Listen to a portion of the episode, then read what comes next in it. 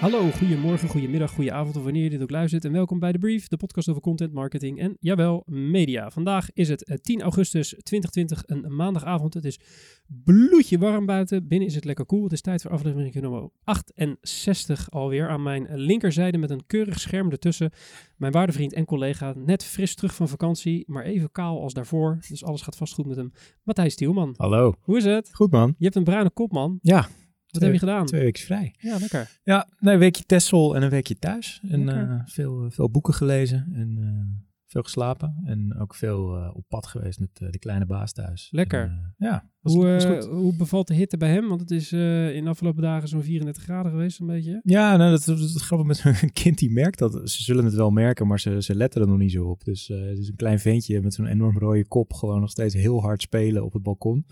Dat je af en toe even naar binnen moet trekken om, eh, om, om water te laten drinken. Omdat ze anders volgens mij gewoon door blijven gaan. Grappig. Dus, eh, maar slapen gaat gelukkig eh, hartstikke prima. Dus Lekker. ja. En de vakantie in eigen land, eh, eh, helemaal eh, juist nu het nieuwe normaal eh, corona vac- vacation. Ja. Bevalt allemaal. Ja, was best prima. Texel, ja, je bent toch op een eiland, zeg maar. Dus je bent toch echt even weg. En nou, dat voelde ook wel zo. Dus Lekker. ik denk dat het belangrijkste is gewoon even twee weken je e-mail niet checken. En geen Slack en dat soort gekkigheid. Dan heb je al gauw het vakantiegevoel te pakken, denk ik. Kijk, het glas is altijd al vol. hey, een vaste slotvraag. Vaste slotvraag. Zijn we alweer klaar? we zijn niet. Zo snel gaan we dan ook weer niet. Vaste openingsvraag, die ken je. Beste content die je hebt gezien? Ja, ik kwam iets heel tofs tegen. We hebben natuurlijk superveel gehoord over filterbubbels en, eh, en dat soort dingen waar, waar we als mensen in terechtkomen op allerlei sites. En eh, je vroeg je natuurlijk ook af en toe wel af van hoe ziet de filterbubbel van iemand anders er dan uit? En nu ontdekte ik de site die heet ThereTube. En eh, dat is een, een eh, filterbubbel simulator. Dus wat zij hebben gebouwd is een, een website waarop je een, een bepaald karaktertje kan aanklikken. Variërend van een, een eh, klimaatveranderingsontkenner tot een prepper, tot een, een conservatief in Amerika dan, of een, een progressief in Amerika.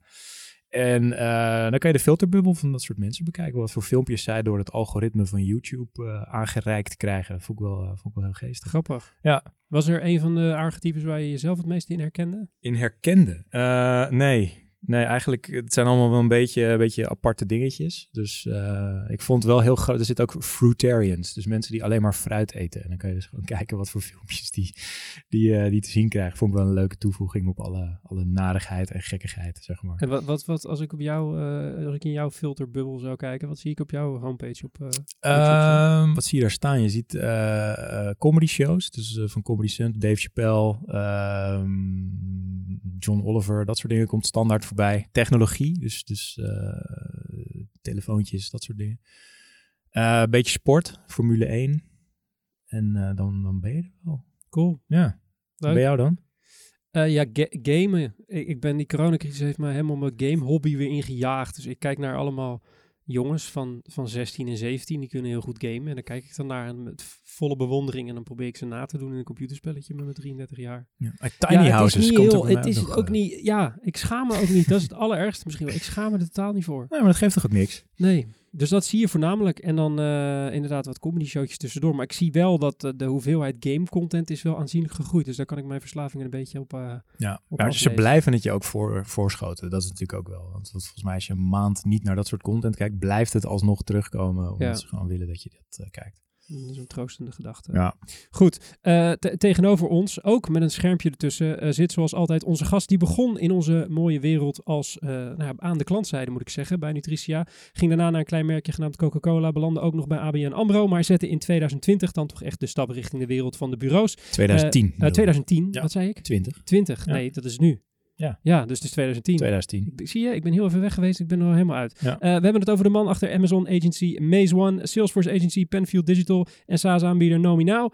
Maar u kent hem waarschijnlijk toch vooral als de man achter, eh, eh, co-owner moet ik zeggen, en CEO van reclamebureau The Valley. Al zo'n kleine tien jaar, want ze worden dit jaar tien. Eh, we hebben het over Philip Kok. Philip, Welkom, hi. Le- Leuk dat ik er ben. Ja, het is gek om nu in, eh, in de podcast te zitten waar ik eh menigmaal naar geluisterd heb. Dan is altijd een soort van vraag, eh, valt het mee tot nu toe of valt het tegen? Nou, als het aan het eten en jullie bier lag, dan eh, valt het enorm mee. Eh, het is hier lekker koel, in tegenstelling tot bij ons op kantoor. Dus eh, So far, so good. Zo voor zo Vooruitzicht is goed. We kunnen alleen nog maar naar beneden. Goed. Is het de eerste keer dat je te gast bent in de podcast? Ja, zo is het. Oké. Ja, en dus, maar je bent wel eh eh, vervent eh, fan van het uh, mediumtype. begrijp? Ja, ja, ja. Ik, vind het, eh, ik heb het helemaal ontdekt. Eh, het is eh, in de auto echt het eh, beste tijdsverdrijf als ik niet naar eh, muziek luister.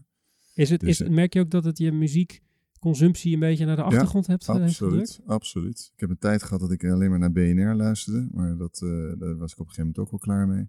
Nog steeds een hele goede zender. Eh, toen eh, werd het een tijd muziek. Eh, kon ik eh, goed eh, ja, mezelf inspireren. Als ik naar muziek luister, gaan bij mij eh, alle sensoren open. Eh, zeker in een kleine ruimte als de auto. En eh, nu is het meer eh, echt eh, kennis eh, zuigen, opdoen. Zeker ook in deze tijd, eh, waarin je toch allemaal een beetje op zoek bent naar het gouden ei. En eh, die podcasts zijn echt een fantastische mening. Is er, eh, is er één tip die je nu in je hoofd ligt waarvan je zegt, naast ons natuurlijk, van die, die zouden we eens moeten beluisteren? Nou, wat ik heel interessant vind is de, de retail trends, heet die volgens mij, podcast of retail nieuws podcast. Dat gaat over de retail. Ik vind een retail fascinerend. En ik vind de mensen die daar aan het woord zijn, zijn over het algemeen de, de eigenaren of oprichters. Er zijn toch wel mensen met een eh, bezieling, merk ik altijd. Retail is keihard. En eh, wil je overleven, dan eh, moet je echt wel eh, visie hebben en lef hebben en, en een goede ondernemer zijn. Dus daar haal ik heel veel inspiratie uit. Ja, een leuk nieuwsitem voor je zo. Benieuwd wat je daarvan vindt. Kijk, ben jij nu de brugjes aan het bouwen? Daar Ja, ben ik heel blij mee. ben helemaal scherp, Ja, joh. ik wil zeggen, ik ben niet zo scherp. Jij bent net terug. Eh, helemaal goed, Filip. We gaan straks verder met je praten. Maar zoals onze luisteraar van ons gewend bent, eh, is, gaan we eerst even naar het nieuws. Terug en helemaal opgefrist zitten we nog steeds in de studio. En zoals u van ons gewend bent, beste luisteraar, gaan we eerst even naar het nieuws. Drie nieuwsitems die de media- en marketingwereld in zijn of haar ban hebben gehouden. Het aller, allereerste nieuwsitem van deze mooie aflevering eh, draait om die, ja, die grafiek die je waarschijnlijk wel hier en daar voorbij hebt zien komen. Eh, dat is een grafiek afkomstig van een kleine twee meneertjes genaamd Les Binnett en Peter Field. Hele grote meneren in de wereld van de marketing, e- effectiviteit en ROI en allerlei van dat soort dingen. Die hebben namelijk in hun, in hun boek Media in Focus Marketing Effectiveness in the Digital Age, dat is een hele mond vol, eh, hebben ze een grafiek staan. En die draait om eh, brandbuilding versus salesactivaties. Wat levert nou de meeste sales uplift over tijd op? Een hele bekende grafiek is dat, waarin we zien dat eh, brandbuilding na zo'n maand of zes toch echt wel meer sales uplift genereert. En dat eh salesactivaties nou ja, zorgen voor korte pieken, eh, maar eigenlijk altijd voor dezelfde piek. Waar je dus elke keer maar weer opnieuw een flinke dosis in moet, in moet stoppen.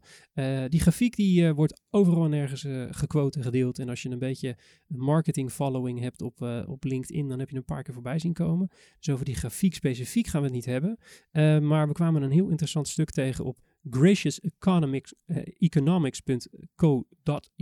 moet ik zeggen. Dat is de website van Dr. Grace Kite.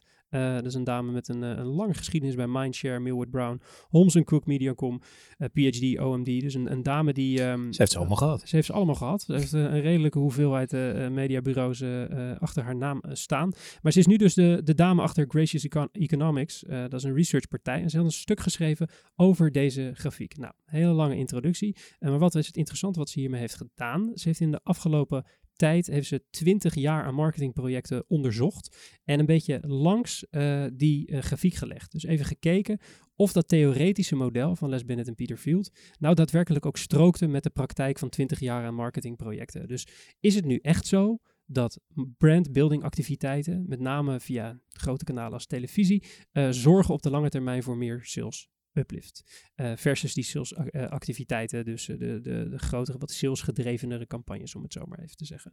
Ehm, er zijn een aantal interessante dingen uitgekomen. Eigenlijk drie verschillende findings. We gaan ze even één voor één opnoemen.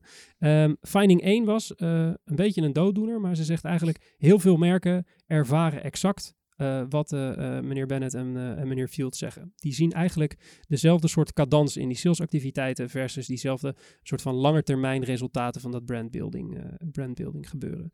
Dus dat klopt, zegt ze. Maar wat ze ook ziet, is dat modernere merken, dus merken die eigenlijk opgericht zijn in de digital age, vaak starten met een always-on digital campagne die heel erg sales gefocust is.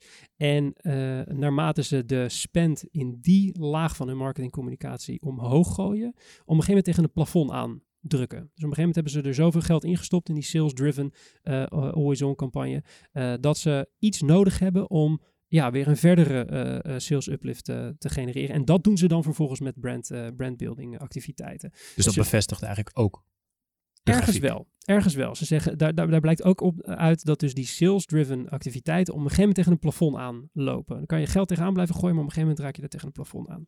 Uh, maar heel bijzonder is dus dat uh, modernere merken starten met die salesgedreven digital always-on campagnes. Beetje buzzwordy, maar dat is een beetje hoe ze het omschrijft.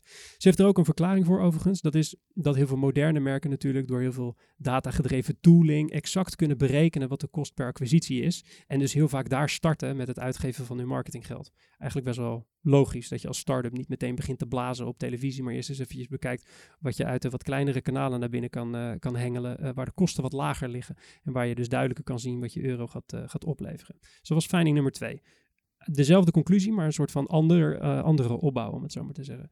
Um, en die derde finding was eigenlijk uh, interessanter. Daarin zegt ze, dat model klopt nog steeds voor heel veel van die resterende projecten.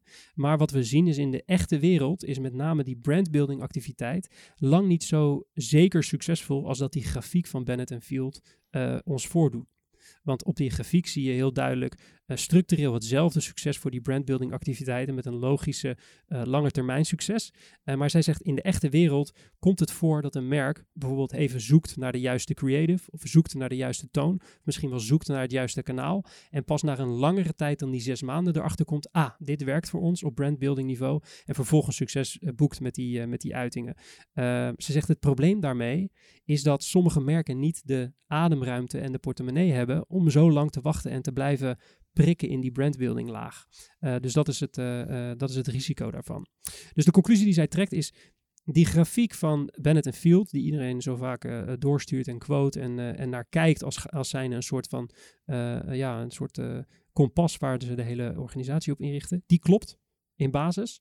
Maar de weg daar naartoe is hobbeliger en, en, en, en, niet zo eenduidig als dat die grafiek doet kennen. Dus als advies is het niet zo'n heel goede tool, zolang je niet erkent dat de wereld er naartoe wat hobbeliger is. Dus wat zij zegt is, wat we vooral moeten doen als industrie zijn, als bureaus zijn en als data- en researchpartijen, is beseffen dat je op je bek gaat gedurende die weg. Je daar ook op instelt en je dus ook inricht op het leren van lessen uit het verleden en daarop je nieuwe beslissingen baseert. Ik vond het echt een verdomd interessant artikel. Ik heb het echt opgefroten, werkelijk waar. Vooral omdat de conclusie, nou, enerzijds bevestigt wat wij merkenbouwers, zo mogen ik ons drieën wel uh, duiden, allemaal voelen. Namelijk dat werken aan je merk gewoon zorgt voor lange termijn succes, uiteindelijk. Maar dat de weg daar naartoe slingert langs drie verschillende routes. Ja, het is lange termijn succes, maar het is ook een lange termijn investering. Exact. Ja. En ook dus een investering die niet per definitie na zes maanden rendabel wordt. Het zou ook nog zomaar eens kunnen dat je pas na 2,5 jaar de juiste schoen te pakken hebt. En dat je weg richting die zes maanden succes dan pas begint met lopen, als je begrijpt wat ik bedoel. Ja. Um, een hele mond vol, heel theoretisch verhaal. Uh, Philip, does this make sense? Om het maar even in het mooie Nederlands uit te drukken. Nou, dit is wel een heel interessant onderwerp wat je aansnijdt. Kijk, wij zelf uh, gebruiken het model ook. Uh, Merkenbouw, onze strateeg uh, Gijs ten Buren is een groot fan ervan.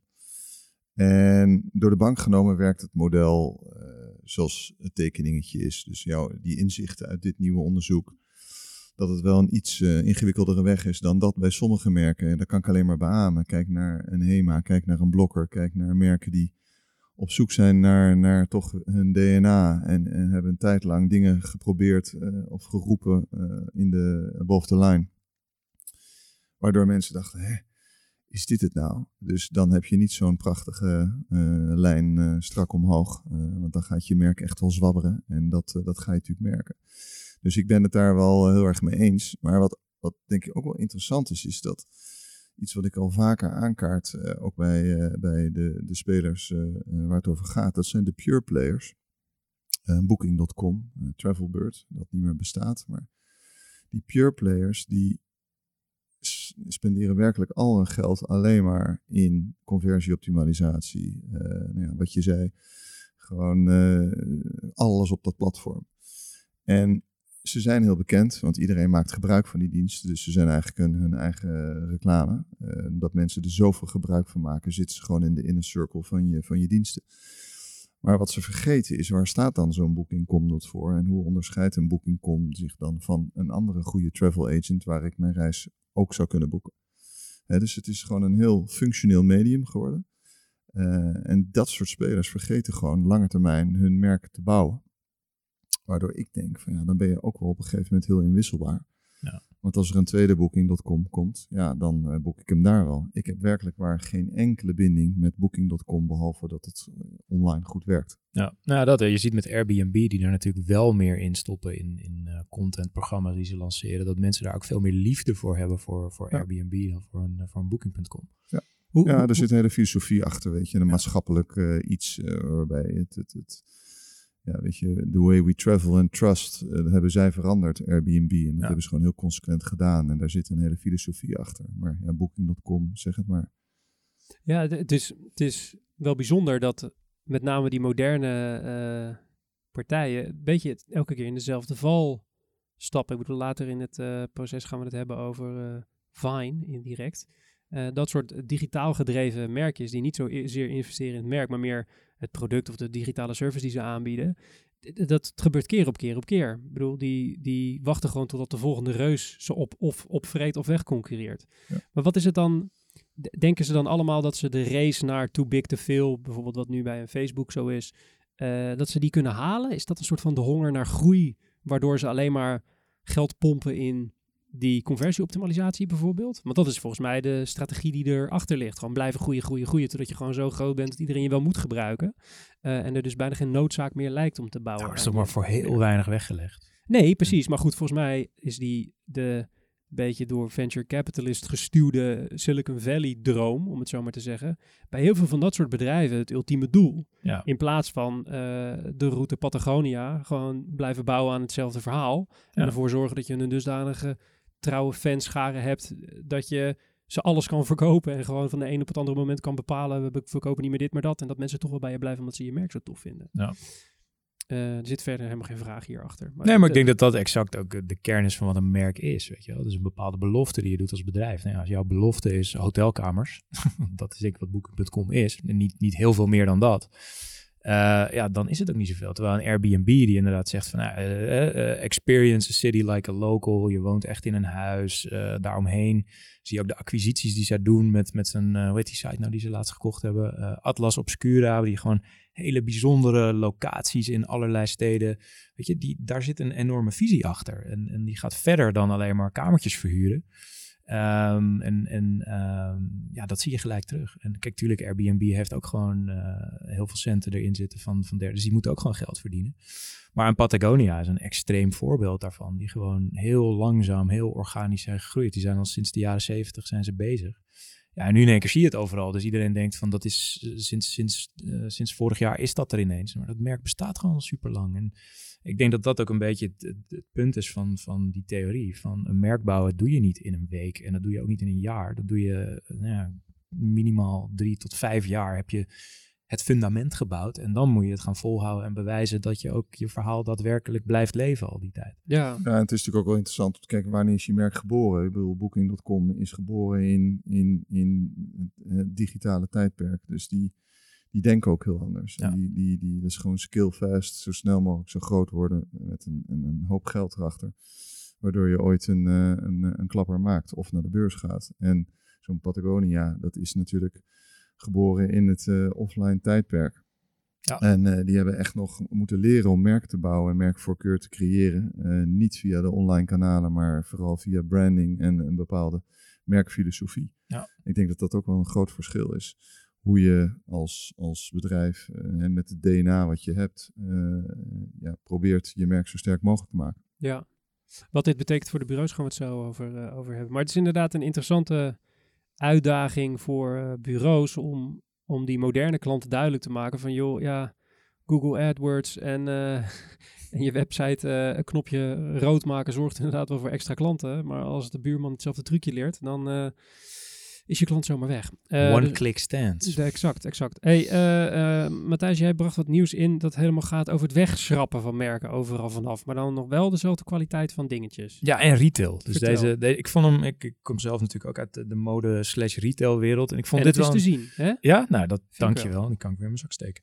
Eh, nee, ik kwam een, een, eh, een nieuw soort winkel tegen. Die winkel heet Italic. eh, te vinden op de, de, de, de website italic.com, Amerikaanse start-up. En eh, het is een, een members-only winkel.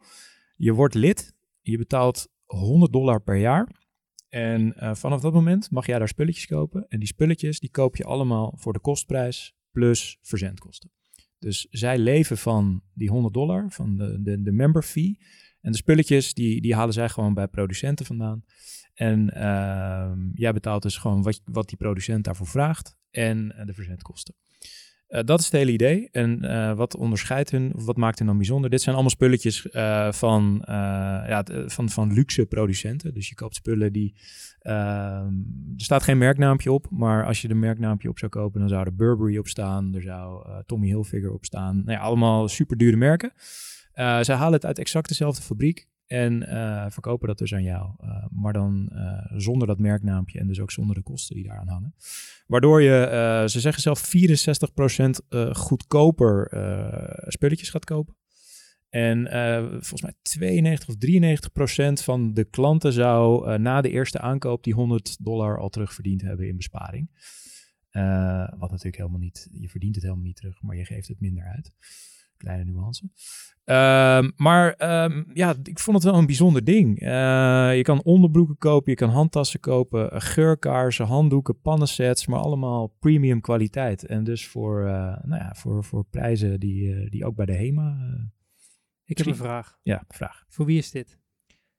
Ja, dat vond ik, dat, dat is het, ding. We hebben het net over merken, weet je wel. En ik denk dat, dat stiekem weten mensen die, die dit soort spulletjes van dure merken kopen ook wel. Dat die producten niet zo substantieel veel beter zijn dan eh, die dingetjes die je gewoon bij, bij, bij een andere winkel koopt, waar dat naampje niet op staat.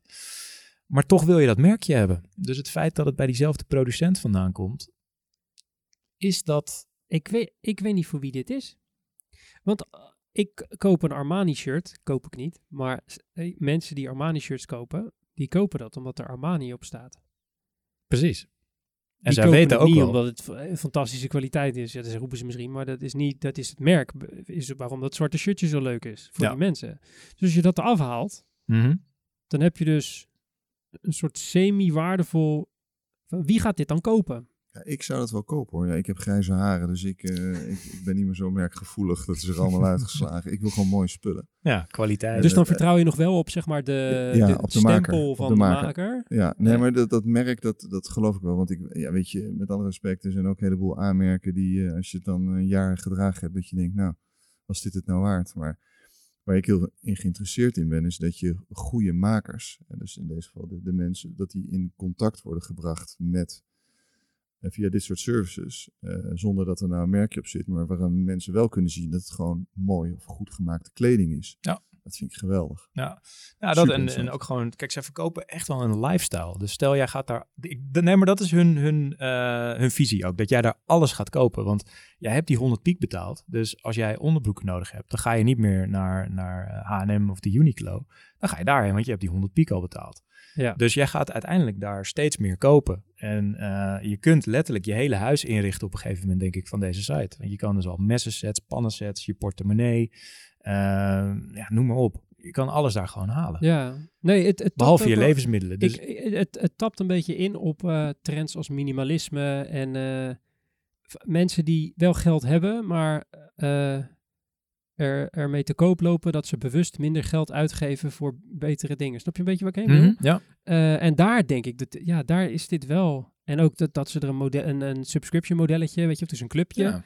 Je wil er ook wel mensen over gaan vertellen, denk ik. Ja, dus je- ik denk wel, misschien dat het voor die, ja, daar kan het, in, daar kan het wel interessant voor zijn, ja. En plus je gaat natuurlijk heel veel slapende leden hebben die dat geld er gewoon niet uithalen. Beetje het Ja, sportschoolmodelletje. Nou, ik vermoed, ik vermoed juist dat, dat veel mensen juist meer gaan kopen. Omdat je zoiets hebt van, oh, Ook wel. is- Ook wel, ook wel. Maar ze verdienen op de mensen die niks kopen. Ja. Daar gaan ze op verdienen. Het is een beetje hoe eh, eh, onze vrienden bij eh, eh, het exclusieve hotel, wat geen hotel is, eh, Soho House, doet.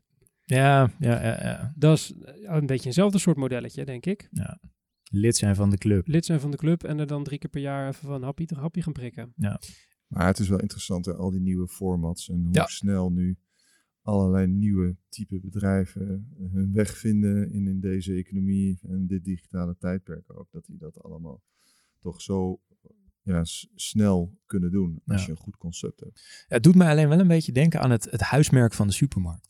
Want die spullen komen ook niet bij, bij slechte fabrieken of slechtere fabrieken. Nee, maar zo vandaan. positioneren ze niet. Dus jij stuurde mij deze site door en toen dacht ik, toen jij het mij uitlegde, dacht ik namelijk wel een stom idee. En toen las ik een beetje de kopie en hoe ze het plotten. En ze hebben een heel lekker eh, animatietje erop zitten waarin je ziet hoeveel stationnetjes meneer Armani zijn spulletjes doorheen stuurt voordat het bij jou belandt en hoeveel stationnetjes zij hebben. En bij ieder stationnetje van meneer Armani gaat er weer, gaan er weer 10 dollartjes bovenop. En bij het stationnetje van eh, meneer Italic gaat het gewoon huppa, zonder tussenpersonen staat er ook zo bij. Toen zag ik dat, toen dacht ik, ja, tering, het is wel een goed verhaal. Maar het is wel goed, het is goede kwaliteit. Toch? Ja, het is goede ja, het zijn maar dus- omdat er geen krokodil op staat, Letterlijk, eh, is, ja. is het eh 30 euro. Het is letterlijk gewoon hetzelfde shirt zonder het krokodilletje. Ja. Of, of, wat er ook op staat. Italic.com. Nou, Gaan we het doen? Probeer het even uit. en opgeschreven. re- reviewen we het in de... Jullie hebben wel allebei al hetzelfde wit shirt aan, dus Ja, jullie hebben wel een beetje dezelfde smaak. Eh, goed, Eh, het laatste nieuwsitem van deze aflevering gaat over twee sociale netwerken, allebei met een T. Het is geen raadsel. Eh, Twitter wil TikTok kopen, lazen we. Ja. we op adformatie, maar die hadden stiekem van Reuters. Dus, Is het eh, al officieel of is het een soort van Nou, rumor? eh, twee eh, insiders, zoals ze het altijd zo mooi zeggen, ehm, die lieten vallen aan, aan Reuters, het persbureau, dat er ehm, door Twitter interesse is getoond om, om TikTok te kopen. De Amerikaanse tak van TikTok, moet ik zeggen. Ehm, eh, om dat over te nemen. Eh, waarom in vredesnaam? Nou, mocht je onder een steen hebben ge- ge- gelegen, in Amerika is er een president, die doet af en toe een beetje gek. En die eh, wil eh, TikTok verbieden, omdat hij meent dat de Chinese overheid bespioneert via TikTok. Er is verder weinig bewijs voor, of eigenlijk geen bewijs, maar hij vindt het toch. En daarom heeft hij gezegd tegen TikTok, als jullie voor 15 september 2020 geen nieuwe eigenaar hebben, dan zijn jullie verboden. Mogen jullie helemaal niks meer handelen, geen transacties meer doen. En eh, dan, eh, dan is dat zo. Eh, is TikTok wel tegen in beroep gegaan? Of ze hebben in ieder geval gedreigd met het aanklagen van de Amerikaanse overheid. Maar ja, tot die tijd zijn ze een heel klein beetje vogelvrij op de wijde wereld van de aankopende partijen, om het zo maar te zeggen. Ehm, eerst was er sprake van dat Microsoft, die was een beetje eh, knipoog, knipoog, eh, eh, mag ik je telefoonnummer richting TikTok aan het doen? Of richting ByteDance, moet ik zeggen. Dat is de eigenaar van TikTok. Bill Gates, die sprak zich uit tegen een dergelijke overname. Die zei, dat het wordt allemaal veel te veel gedoe met de moderatie op zo'n platform. En dat is Microsoft helemaal niet gewend, moet niet doen, slecht idee. Maar volgens nog schijnen er gesprekken geweest te zijn. Maar toen kwam ineens, links zei de blauwe vogel, eh, volgens Reuters dus. En die, eh, die schijnen interesse getoond te hebben om die Amerikaanse tak over te nemen. Is op zich wel bijzonder, want de waarde van eh, TikTok, of eh, dus de, de beurswaarde van Twitter staat momenteel op 30 miljard. En dat is zo'n beetje evenveel als de waarde van TikTok, of in ieder geval alle assets waar ze vanaf moeten. Ehm, of activa moet ik zeggen. Dus ze gaan sowieso niet het geld hebben om dit te gaan kopen. Dus daar riekt allemaal een beetje naar iets vreemds. Eh, altijd als ik iets vreemds zie in de wijde wereld van de marketing, dan ga ik altijd heel even naar de Twitter-account van professor Scott Galloway. Kijk ik altijd wat hij vindt en dan neem ik dat standpunt altijd gewoon over. En die zei, eh, wel iets bijzonders, die zei, eigenlijk moeten we deze acquisitie een soort andersom zien. Het is niet Twitter die TikTok wil gaan kopen, maar TikTok gaat een soort van omgekeerd Twitter kopen en koopt daarmee in één klap een beursgang. Want Twitter is beursgenoteerd. Hij heeft daar ook een naam voor, kende dat niet. Dat heet een Special Purpose Acquisition Company, SPAC. Dat is- schijnt een acquisitiestrategie te zijn waarin je op een hele slinkse wijze via allerlei partijen gewoon heel snel een beurs kan betreden. Ja, je hebt zelfs bedrijven die opgericht worden om die reden. Om Dus die reden, ja. gewoon, eh, ja. Ehm, dat vond ik wel een interessante take. Verder wist ik nog ergens in de, de krochten van mijn geheugen dat Twitter ooit al een keer TikTok had gekocht. Want, nou, dat heette toen Vine, maar dat was eigenlijk gewoon TikTok in, in 2012, want het was namelijk exact hetzelfde product. Gifjes. Eh, ja, en micro, uh, microvideootjes. Het was een mega, Ja. mega succesvol videoplatform. Eh, hebben ze alleen in 2016 om een beetje vreemde redenen de nek omgedraaid, omdat het niet snel genoeg groeide of zo. Maar een hele, hele eh, vaste eh, fanbase had dat. eh waren ze heel boos om destijds. En maar nu proberen ze dus weer een beetje te dansen met, eh, met TikTok om die over te nemen. Klinkt ergens wel eh, logisch. Zou Twitter wel weer in één klap wat relevanter kunnen maken voor een hele nieuwe doelgroep, denk ik. Eh, maar hoe dat geld geld en dergelijke nou allemaal zit. Daar heb ik verder ook geen verstand van. Maar ik vond de take van meneer Galloway wel interessant. Misschien is dit wel een slinkse wijze van TikTok om eh, de Ja. eh, Amerikaanse beurs op te gaan. Wie weet. Ja. Ik weet het niet. Ehm, heb jij er iets wijs over te vertellen? Nou, niet veel meer dan, dan wat er in het nieuws is. Maar ik vind het wel bizar dat, dat dit is gewoon een supergrote overname in, in de tientallen miljarden. En omdat er een bepaalde meneer in een wit huis iets vindt, zie je in één keer supergrote bedrijven die daar in no time bovenop springen. Inderdaad, Microsoft die dit zou willen kopen. Dat je denkt van, maar hoe dan? Weet je, Microsoft gaat super lekker op dit moment met een hele duidelijke visie. Eh, waarin in LinkedIn toen al een soort vreemde acquisitie was. Maar die kon je nog verklaren door, door het professionele karakter daarvan. En nu gaan ze in één keer eh tiener jongens en meisjes die gekke dansjes doen kopen. Dat je denkt van, hoe, hoe past het in vredesnaam in je visie? Nou, ik denk dat het opportunisme wel een beetje eh, naar boven komt op het moment dat je het idee krijgt dat je binnen een maand een slagje kan slaan. Dat zou dat toch ook wel een beetje mee te maken kunnen hebben. Ik, ik denk, kijk, volgens mij heeft het antwoord al gegeven. Wij, wij, wij, wij snappen er helemaal niks van hoe dit nou allemaal gaat. En Nee. ik denk ook dat dat ook precies het antwoord is. Want dit is volgens mij één, een afleidingsmanoeuvre van Trump natuurlijk. Want dat land, nou, je weet allemaal hoe het eraan toe gaat nu. Met corona en de economie en, en alle andere problemen van dien de verkiezing op komst. Ja. Eh, Trump laat zich even zien als zakenman, bikkelhard. Eh, maar ondertussen eh, denk ik dat niemand gelooft dat je in zes weken tijd, en inmiddels zijn het er volgens mij nog vijf, Ja. zo'n ingewikkelde en grote deal gestructureerd krijgt. Dus Hij wilde ook nog een percentage van de deal, had hij gezegd. Heb je Ja. meegekregen? ja, ja, ja. ja dus, dus nee, en, Ja. en, maar ik, ik heb er ook wel in verdiept en ik, ik weet niet zo goed wat ik ervan moet vinden. Ik zie de relatie tussen TikTok en Twitter ook gewoon niet. Ook geen kruisbestuiving, helemaal zelfs niet. Maar wat ik ook las, en dat is mis- misschien nog wel groter en ingewikkelder, dat was dat, dat eh, Trump natuurlijk ook een, een verbod gaat zetten, waarschijnlijk op WeChat. Ja. En dat is echt mega, die impact. Veel groter nog dan TikTok. Want het is natuurlijk een platform in China wat niet meer weg te denken is. alle betalingen gaan ongeveer via WeChat, ook bankair verkeer.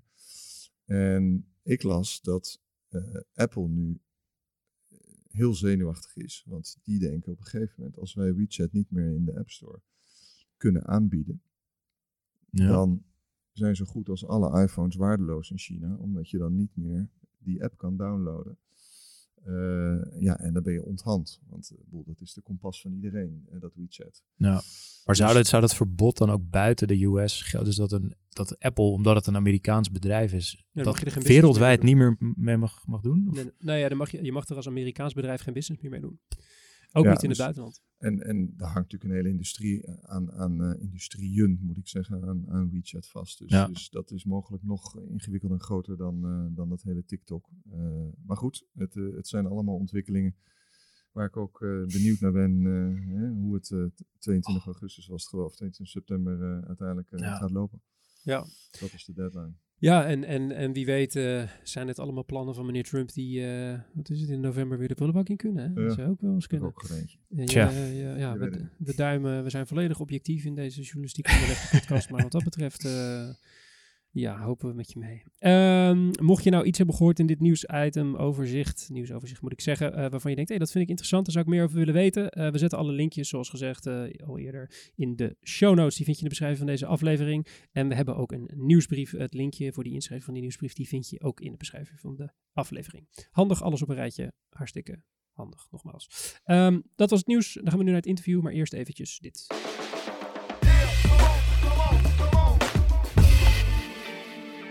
Weer terug in de studio, eh, zoals u van ons gewend bent. Met de gast, het laatste deel van deze aflevering, het interview. eh, dit keer met Philip Kok, eh, co-founder en, of co-owner moet ik zeggen, en CEO van reclamebureau The Valley. Ehm, we, we hebben altijd drie thema's voor het interview, Philip. En het eerste thema, we komen er niet onderuit om het heel even te gaan hebben over dat ene woord wat ons voor dit jaar alleen maar deed denken aan bier en nu aan iets anders. Corona.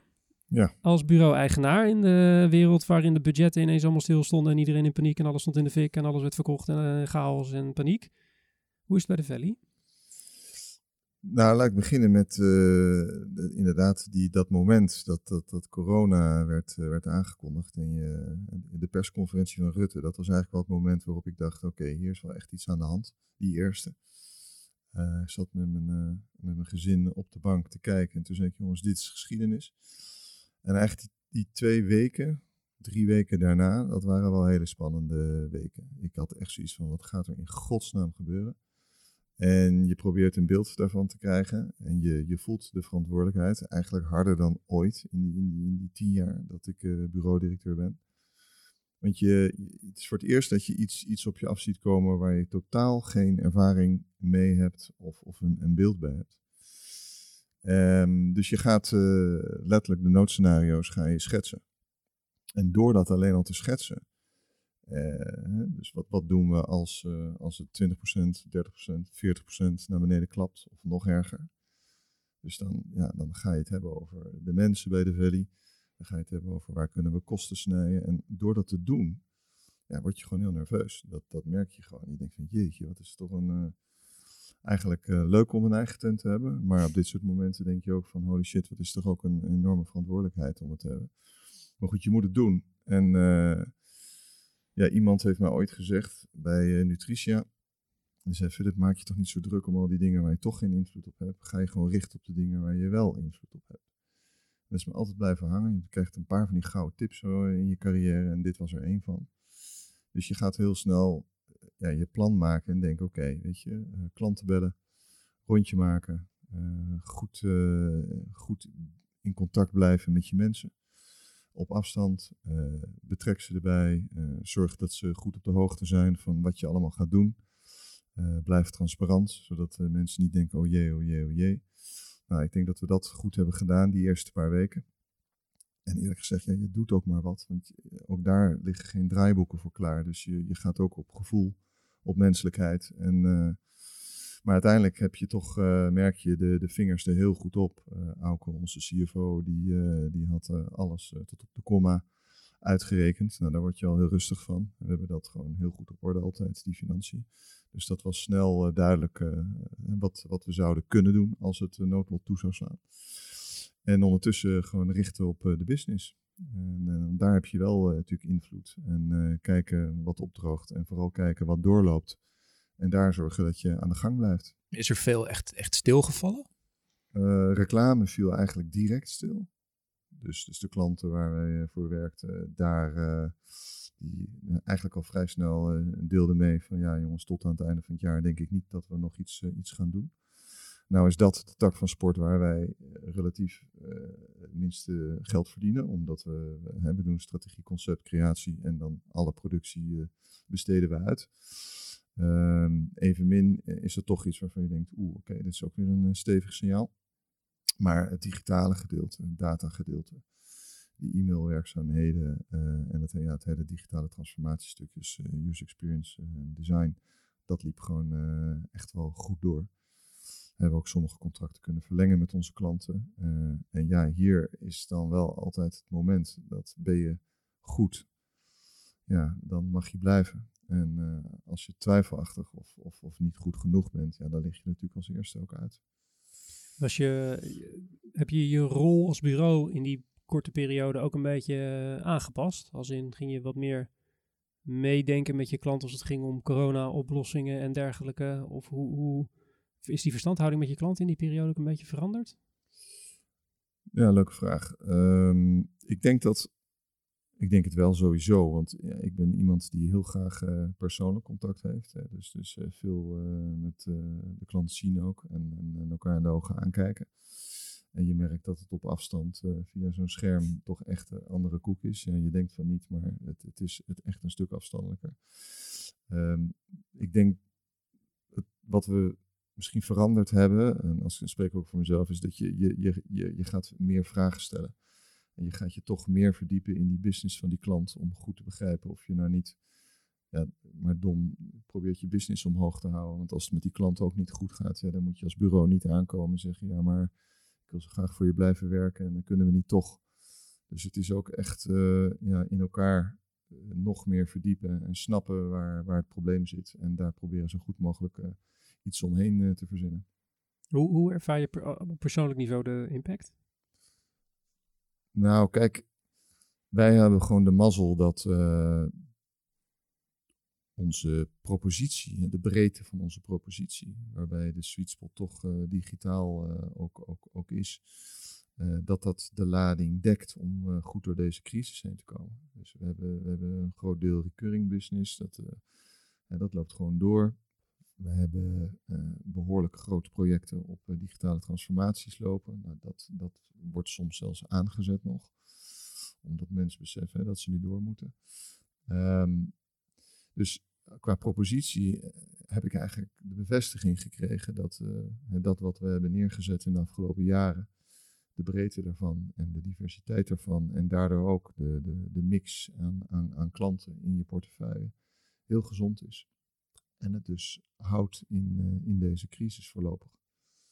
Eh, En je, je hint net zelf al richting digitale transformatie. Hè? Bedrijven die nou ja, eh, de systemen eens eventjes onder de loep maken en klaarmaken voor eh, 2010, om hem eventjes een beetje eh, eh, ironisch te zeggen.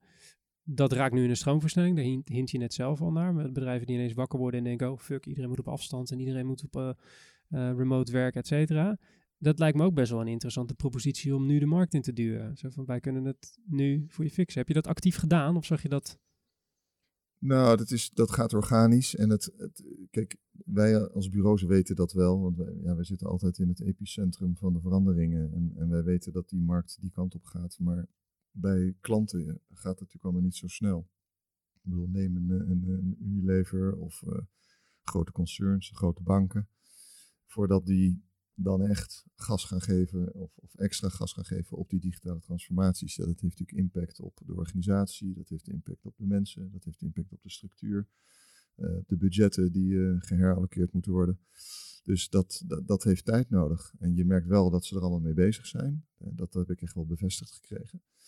Maar ik hoop voor iedereen die in deze bureauwereld leeft ook, dat er na de zomer toch wel weer links en rechts gas gegeven gaat worden dat klanten hun plannen klaar hebben om uh, in 2000, uh, eind 2020, 2021 echt uh, dat in gang te gaan zetten. Is dat ook waar we, waar we nu zitten in deze cyclus, denk je? Dat, ja. dat klanten nog heel erg aan het zoeken zijn ja. van hoe ziet het eind van het jaar eruit, denk ik. En dat ja. we daarna als business uh, qua reclame weer gaan vlammen. Ja, ik snap dat ook wel. Het is, het is, ik denk dat we allemaal even uh, echt in onwetendheid hebben geleefd. En dat, dat we in een vacuüm zitten waarin iedereen elkaar aankijkt en probeert uh, het antwoord te krijgen. maar goed, je moet wel door. En dat, ik denk dat punt, dat heeft iedereen nu ook wel bereikt. Dat ja, stilzitten is, is achteruitgang. Dus iedereen heeft ook wel zoiets, ja, we moeten natuurlijk wel blijven investeren in groei. en dat zal dan vaker zijn in digitaal dan uh, in traditionele media. Maar um, ja, ik, ik denk wel dat, uh, dat we in, in die fase nu zitten, ja. Z zijn er dingen die... Jullie zijn zelfstandig. Ja. Uh, de, de, de, de grotere bureaus die onder een wat groter huis hangen, die hebben misschien wat financieel vet op de botten, waardoor ze klapjes kunnen krijgen. Die hebben een beetje een hand die boven hun hoofd schuilt, die ze af en toe kan beschermen tegen dit soort ontwikkelingen. Um, jullie zeiden net, uh, of je zei net, onze financiën zijn altijd goed op orde. Zijn er andere dingen die je hebt gedaan binnen de positionering van het bureau, de organisatie van het bureau, om jezelf een beetje stabiel neer te zetten? Kijk, dit, deze crisis heb je natuurlijk niet zien aankomen. Ik kan me voorstellen dat je, omdat je zelfstandig bent, toch ergens in je achterhoofd altijd hebt van, moet niet te hard gaan waaien. Dus we moeten zorgen dat we stabiel staan. Begrijp je een beetje wat ik bedoel? Ja, ja, ja. Ik, geef, ik, ik kom daar zo op terug. Je zei in het begin, want ja, die grotere partijen die hebben financieel misschien wat meer vet op de botten. Ik denk juist dat het vaker niet het geval is dan wel. Uh, die grote partijen, en dan heb ik het over, weet je, de, de, de grote, ja, de, de, de WPP's, de, de Omnicoms, uh, de Publicis van deze wereld. Nou, we hebben allemaal in de krant kunnen lezen hoe het die bedrijf verkeert qua, qua beurswaarde. En bedoel, ik gun ze natuurlijk geluk, maar, maar het is af en toe heel zwaar daar, waardoor zo'n hele groep, zo'n heel netwerk, ja, toch echt last krijgt. Uh, en ook de succesvolle bedrijven binnen zo'n groep. Want ja, je hebt nou helemaal rekening te houden met uh, dit soort financieel gedreven partijen. Dat snap ik ook heel goed. Je bent beursgenoteerd en je moet aandeelhouderswaarde creëren. Zeker als die uh, gierend hard onderuit gaat. Kijk, en dan is het een voordeel, denk ik, weet ik niet zeker, maar ik spreek voor mezelf, dat je zelfstandig bent. Dat je super wendbaar bent. Uh, ondernemend kan blijven. En vooral ja, besluiten neemt die goed zijn voor de klant. Hè? Dat, dat, dat moet. Als, als, als je iets doet wat goed is voor de klant, je kan hem iets bieden wat, wat waarde vertegenwoordigt, ja, dan gaat het ook goed met de value. En ik merk dat we heel slagvaardig daarin kunnen zijn. We hebben geen aandeelhouders, dat zijn we zelf. We hebben geen private equity druk. We hebben ook geen netwerk achter ons wat zegt je moet dit of je moet dat. Of we gaan nu even korte termijn daar snijden. En sorry jongens, maar ja, we moeten allemaal eventjes inleveren. Daar hebben wij geen last van. Dus wij hebben ook in deze afgelopen maanden, hebben we eigenlijk in alle rust tussen aanhalingstekens, hebben wij goed doordacht uh, ja, onze dingen kunnen doen. Met een hele strakke focus, ieder aan zich vanuit de directie, op de dingen die we moesten doen. En ik denk dat dat in dit geval een voordeel biedt. Ja, je bent kwetsbaarder, dat weet ik zeker. als wij veel voor automotive of andere kwetsbare industrieën of klanten hadden gewerkt, ja, dan hadden wij harde tikken gekregen. En dan schieten wij natuurlijk ook in de stress. En dan komt er natuurlijk ook een heel ander ja, spectrum voor je, waarin je misschien wat krampachtiger gaat handelen. Is dat ook iets wat jullie bewust doen? Dus dat je in, eigenlijk in, in hele brede of, of uit allerlei sectoren bewust klanten opzoekt? Of is dat toevallig zo gegroeid? Nou, dat is wel zo gegroeid. Uh, ik denk dat in, inderdaad wel de, de propositie. Kijk, we, we werken bijvoorbeeld uh, met, met e-mailmarketing, waar we nog best heel groot in zijn. Werken we voor uh, veel voor de, de, de grote finan, grootbanken, de financiële banken, ABN AMRO, ING en Rabobank. we werken met digitaal heel erg voor de multinationals, omdat daar digitaal transformeren heel hot is. Nou, reclame doen we veel voor de FMCG-merken. En data, dat zit weer op hele andere vlakken. Dus je, door de, de specialisme die je aanbiedt, uh, kom je uiteindelijk tot een, een breed spectrum. En uh, ja, ik kan alleen maar zeggen, dat, uh, dat biedt gewoon voordelen. Cliché, cliché, cliché is wel eens dat je een bedrijf leiden is eenzaam. Nu, nu ben je met een meerkoppige directie, maar ik kan me toch voorstellen dat je uh, wellicht ook met andere bureau-eigenaren hebt gesproken in die crisistijd. Uh, zoek je elkaar op in dat soort tijden waarin ja. er even tegenwind ja. is? Ja, je belt elkaar en uh, niet allemaal. Je belt elkaar niet plat, want je merkt ook, iedereen kruipt ook een beetje in zijn schulp. Als het goed gaat, dan zoeken we elkaar echt allemaal op. En als het slecht gaat, ja, dan moet je toch kwetsbaar opstellen. En dat nou, vinden we allemaal lastig. Want het gaat eigenlijk altijd goed met een bureaudirecteur. Dus, dus in die zin uh, zoek je je, je trouwe makkers uh, zoek je op. En uh, daar heb je de ene keer hele goede gesprekken mee. De andere keer schrik je helemaal kapot. Omdat je hoort dat Q2 gewoon op nul geforecast was. Omdat die bureaudirecteur dan een bureau had wat puur in, in activatie zat. En nou, dat, dat komt wel binnen. Is het gek om dat soort gesprekken dan met je... Het zijn ook concurrenten dan, ergens? Ja, het, ik, kijk, ik heb nooit zo heel erg op dat concurrentieachtige ding gezeten. En uh, elkaar niks gunnen of, of weet ik wat allemaal. Ik vind dat allemaal zo'n onzin. We hebben, het, we hebben een hele mooie industrie waar we in werken. En uh, ik, ik heb respect voor al die ondernemers en bureaudirecteuren die daarin werken. Het is echt een pittige branche om in te werken. Het is, het is zeer ja, volatiel, om het zo maar te zeggen. Als je denkt dat je er bent en je hebt een, een, een lel van een klant gewonnen, dan kan het na een half jaar ineens weer allemaal om zijn, omdat er de tent verkocht wordt, of omdat er andere aandeelhouders in komen, omdat ze naar de beurs gaan, of omdat het crisis is. Dus uh, je bent er eigenlijk nooit. En ik denk dat het juist heel goed is om elkaar dan op te zoeken in die tijden. Dat is ook een van de redenen waarom ik anderhalf jaar geleden toen dat Independence diner heb georganiseerd bij ons kantoor. Toen dacht ik, weet je, die consolidatie die gaat zo hard in die markt. En, buy and build en weet ik wat allemaal. Ik ga nu gewoon uh, zeven leuke bureaudirecteuren bellen. En die nodig ik uit uh, s'avonds voor een uh, diner. Goede wijnen erbij. En dan gaan we het dus hebben met elkaar, open en bloot, over ja, hoe is het nou om nu nog zelfstandig te zijn. Twijfel je? Wil je ook een bijbeeld gaan doen? Wil je aansluiten? Wil je opgeven? Wil je tent verkopen? Ben je er klaar mee na twintig jaar reclamebedrijven? En dat is echt een waanzinnig mooie avond was dat. Hoeveel van die zeven zijn er nu nog uh, zelfstandig? Ja, uh, nou ja, ik, ik kan namen noemen. XXS was erbij. En die zit natuurlijk nu bij Candid. Uh, Borno 5 was toen ook nog uh, helemaal zelfstandig. maar die is nu ook met equity aan het ja. bouwen. Rogier. En um, nou, de rest is volgens mij, even kijken als ik het goed heb, is nu nog zelfstandig. Ja, de Gardeners was er ook bij. Mm -hmm. Dus ja, maar het was wel leuk, weet je. En dan zie je ook dat je met elkaar eigenlijk in precies hetzelfde schuitje zit. Dus uh, we hebben allemaal dezelfde problemen. De weerbarstigheid van klanten, de, de, de, de weerbarstigheid van het vinden van talent. Uh, ja, klanten die, heel hard groeien, klanten die, die je kwijtraakt. Zijn, de beslommeringen zijn hetzelfde en de hoogtepunten zijn ook hetzelfde. Ja. En is er nog een, een trend, een, een, wat grotere trend, die, die juist door deze crisis is blootgelegd, denk je, in, in reclameland? zonder, zonder te kijken naar het acute probleem, denk je dat er nog een, een bepaald iets naar boven is gekomen nu, waardoor we uh, ja, een bepaald probleem, wat nu in één keer heel zichtbaar is geworden met onze industrie? Nou, kijk, ik denk dat de partijen die al worstelden, uh, dat kan zijn financieel, dat kan zijn met de propositie, uh, die de meeste redden het gewoon niet. Of die komen in zo'n afgeslankte vorm eruit dat, ja, dat je daarmee ook je, toch je kracht voor een groot deel verloren bent. En dan moet je toch weer echt opnieuw opbouwen om dat vertrouwen van die klant te blijven houden. Want klanten die gaan natuurlijk nu ook opletten waar ze hun marketing euro's gaan besteden. Dus die zullen toch ja, zich laten verleiden door de partijen die succesvol nog steeds ogen of het gewoon zijn. en ik denk dat de, de wat grotere partijen die laten zien dat ze een, een, nog steeds een heldere propositie hebben met duidelijke services die in deze tijd relevant zijn en die hen relevantie bieden hè, om die transformaties te maken. Ja, daar zal wel vaker aangeklopt nu worden. Dus het, het KAF gaat zich nu van het koren scheiden in bureauland. Uh, aan klantzijde denk ik dat, en dat hoop ik, dat is dus ook een wens die ik uitspreek, dat de, de grote adverteerders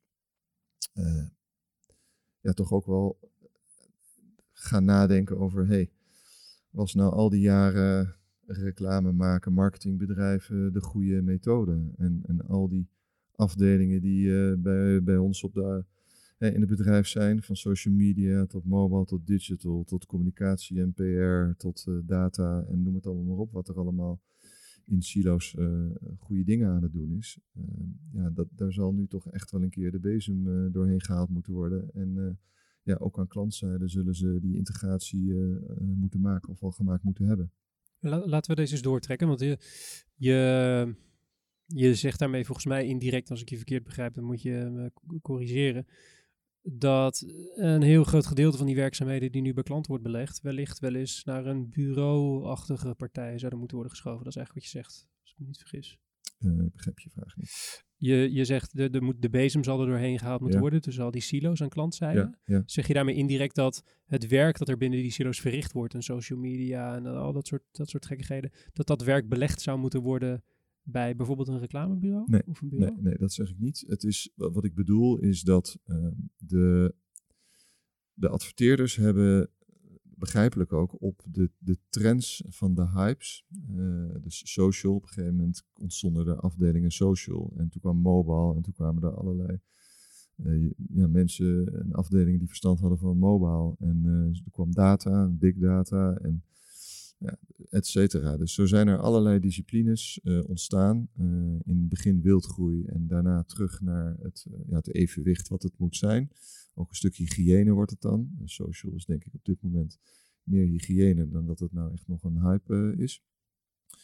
Dus je moet het nu ook gaan, gewoon gaan organiseren als, als mainstream en het ook geïntegreerd bekijken. Dus dat bedoel ik ermee te zeggen. Het is niet meer een standalone discipline. Een, een merk bouw je tegenwoordig door naar het geheel te kijken en de optelsom van al die disciplines en kanalen ja, bepaalt hoe sterk je merk is. En, en ja, dat is dus Waar wij ook de uh, afgelopen jaren de, de, propositie van de Valley op hebben gebouwd. Eh, Building Total Brands. En dan, en dan belt jouw accountmanager een groot merk op. Die zegt wij bouwen merken. Maar die krijgt dan wel nog steeds de brand manager of de marketing manager of de CMO aan de Klopt. lijn. Klopt. Dus wat, wat, wat is de rol van een reclamebureau binnen de wereld die je net schetst? Die geïntegreerde aanpak bestaat dan hè, en de utopie waar we nu naar streven. Bij die, aan die klantzijde. Dus veel van de disciplines worden eigenlijk niet meer in silo's, maar eigenlijk uh, nou ja, gewoon volledig geïntegreerd door heel de organisatie uitgevoerd of beleefd. Wie moet jij dan bellen als reclamebureau? Of wie moet de... Nou, dat is een hele goede vraag. Kijk, ik denk dat het ook niet meer werkt dat een accountmanager dan belt. Ja, tenzij die heel goed is. Uh, dan mag je ook bij ons komen werken. Link in de show notes. Maar nee, ik, ik ja, kijk, uh, ik bel zelf ook met uh, klanten en het liefst marketingdirecteuren of directieleden. Want dat zijn ten eerste de leukste gesprekken. En het zijn ook de gesprekken waar dit gedachtegoed, hè, dat je vanuit een centrale visie een goed gepositioneerd merk en vervolgens uh, de diepte in gaat en uh, dat merk langzaam gaat uitspreiden, goed doordacht over, over ja, die journey. En aan de ene kant het hele exposure gedeelte, dat wat je allemaal gaat roepen. En aan de andere kant het experience gedeelte, dat, hoe de klant het ervaart. En daar zit natuurlijk ook weer van alles achter. Callcenter, uh, e-mail, e-commerce, klantenservice, loyalty, et cetera, et cetera. En dus de gesprekken moet je hebben op een heel hoog niveau. En de goede CMO's en de goede directieleden, die snappen echt wel dat dit nu noodzakelijk is. Ik vind wat dat betreft, we werken er niet voor, maar de, de, de Nederlandse Loterij, die ook een gouden Effie hebben gewonnen, vind ik echt wel een mooi voorbeeld. De, de, die case is niet alleen een mooie merkcase met Koning Toto en, en, de staatsloterij, maar het is vooral, denk ik, dat ze ook op, op digitaal vlak uh, in, in twee jaar, tweeënhalf jaar tijd die hele ja, loterij getransformeerd hebben tot een, uh, een, een, echt een één platform met een single sign-on en alles uh, wat erachter zit. Dus dat hebben ze gewoon heel knap gedaan. En maar je zegt de, de, inderdaad het gesprek met de, met de CEO of de CMO. Dan ben je ook aan het concurreren met, met de grote consultants van deze wereld. Ik hoop het. Met de McKinsey's en, en dat ik soort clubs. Het. Ja, dat is mooi. Dat is ook, ik vind ook dat zij die positie, ik denk ook wel dat zij die gesprekken ook voeren. Zij zullen het nog altijd meer, en dat vind ik ook heel goed, met een, met een businessbril uh, opzetten.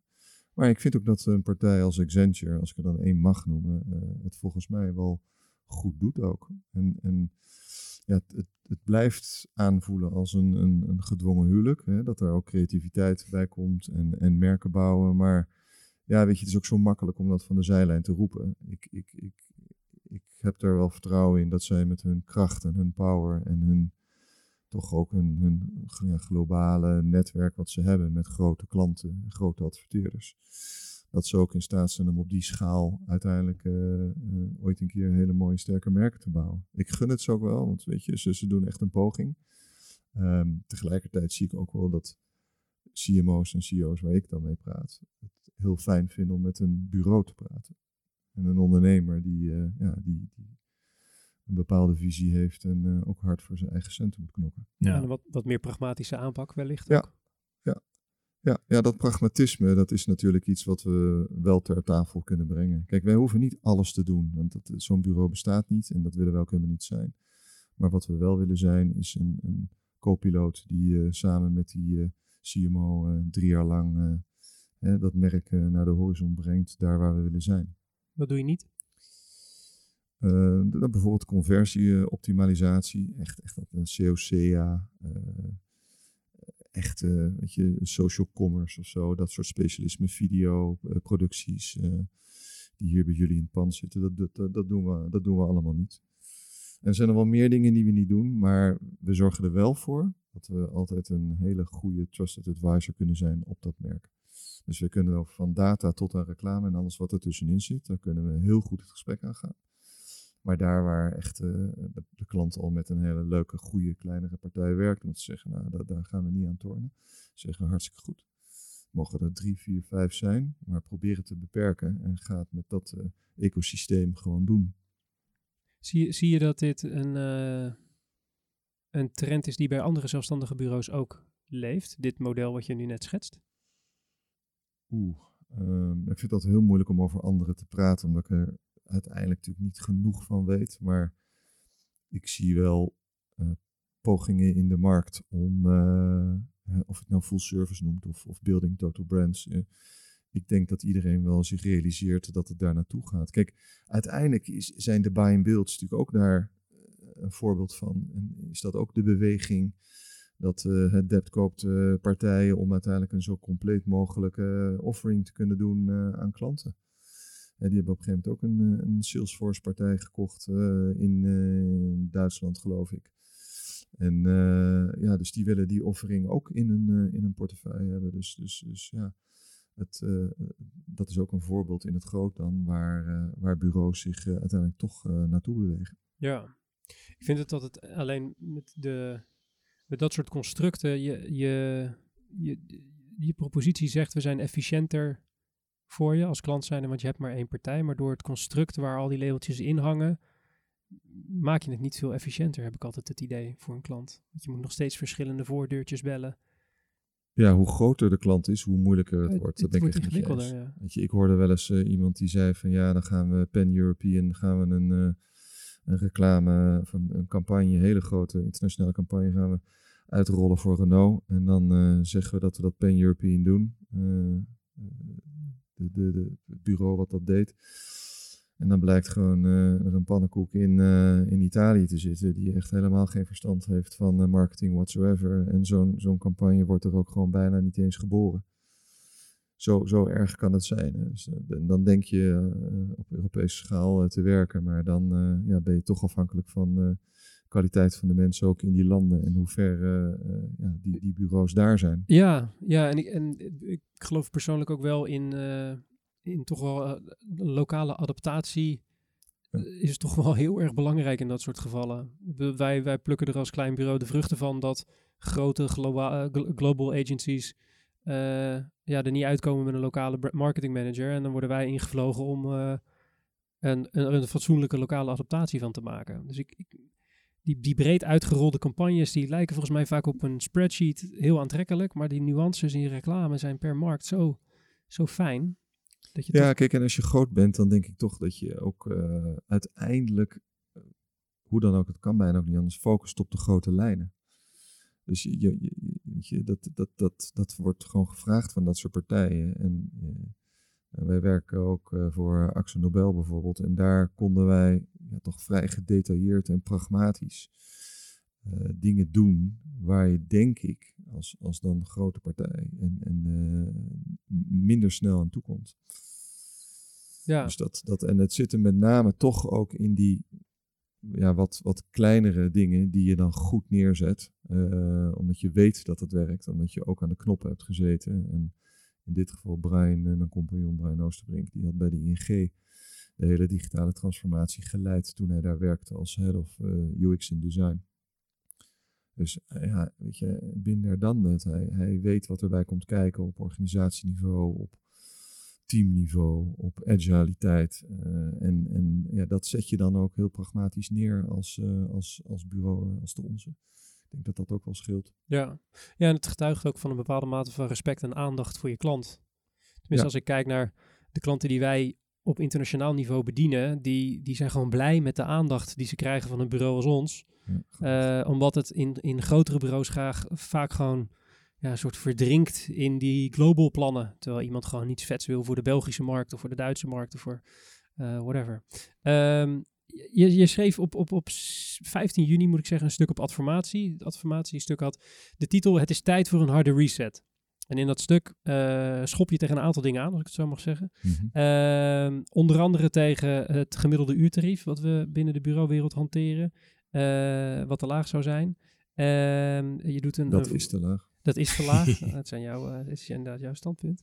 Eh, ons ook, vanzelfsprekend. Zit je nou Ehm, te doen, joh? Tuurlijk. Eh, ja, tuurlijk. Vanzelfs, ja, absoluut. Ehm, maar je hebt het ook over het pitchconstruct waar we ons als bureaus en klanten in begeven, dat dat schadelijk is. Je hebt het over awards. Laten we eens beginnen bij dat uurtarief. Volgens mij pin je hem op 85 euro Ja, per uur. 86, eh, iets- 88, zo in, in iets die, in die- iets in die geest. zitten. En jij zegt, dat, dat vertegenwoordigt eigenlijk helemaal niet de toegevoegde waarde die we inmiddels als bureau hebben. Hè? We, spreken eigenlijk, eh, we hebben zoveel effect op de business. eh gaan eigenlijk over zoveel dingen dan alleen maar eh, die televisiespot. Dat onze beloning daarvoor, of onze vertegenwoordigde waarde, eigenlijk op een andere manier zou moeten worden afgetikt. Of een hoger uurtarief. Je hebt het over een op bonus gebaseerde Performance-based. performance-based eh, ja. beloning, een bonusachtige ding. Ehm, ik, ik zat het te lezen. Ik dacht, ja, dit is, klinkt volkomen logisch. Ligt ook heel erg in lijn met de trend van nou, dat creatie veel vaker een soort van eh, weggeschoven wordt voor te weinig geld. Als het allemaal zo logisch klinkt, waarom, wat, wat is het wat dit in de weg staat volgens jou? Waarom, waarom krijgen we dit niet als bureau wereld gesnapt bij de klant? Ja, dat, nou ja, dit is de, de, de kernvraag. eh, en ook denk ik een van de belangrijkste vragen voor ons als eh bureaudirecteur. Want die zullen toch uiteindelijk eh, die verandering moeten proberen in gang te zetten. Kijk, het is niet alles wat wij doen als bureaus, dat verandert in goud. Alles behalve. Ik bedoel, er zijn ook genoeg verhalen. En jullie uh, zelf ook staan af en toe met je poot in de klei.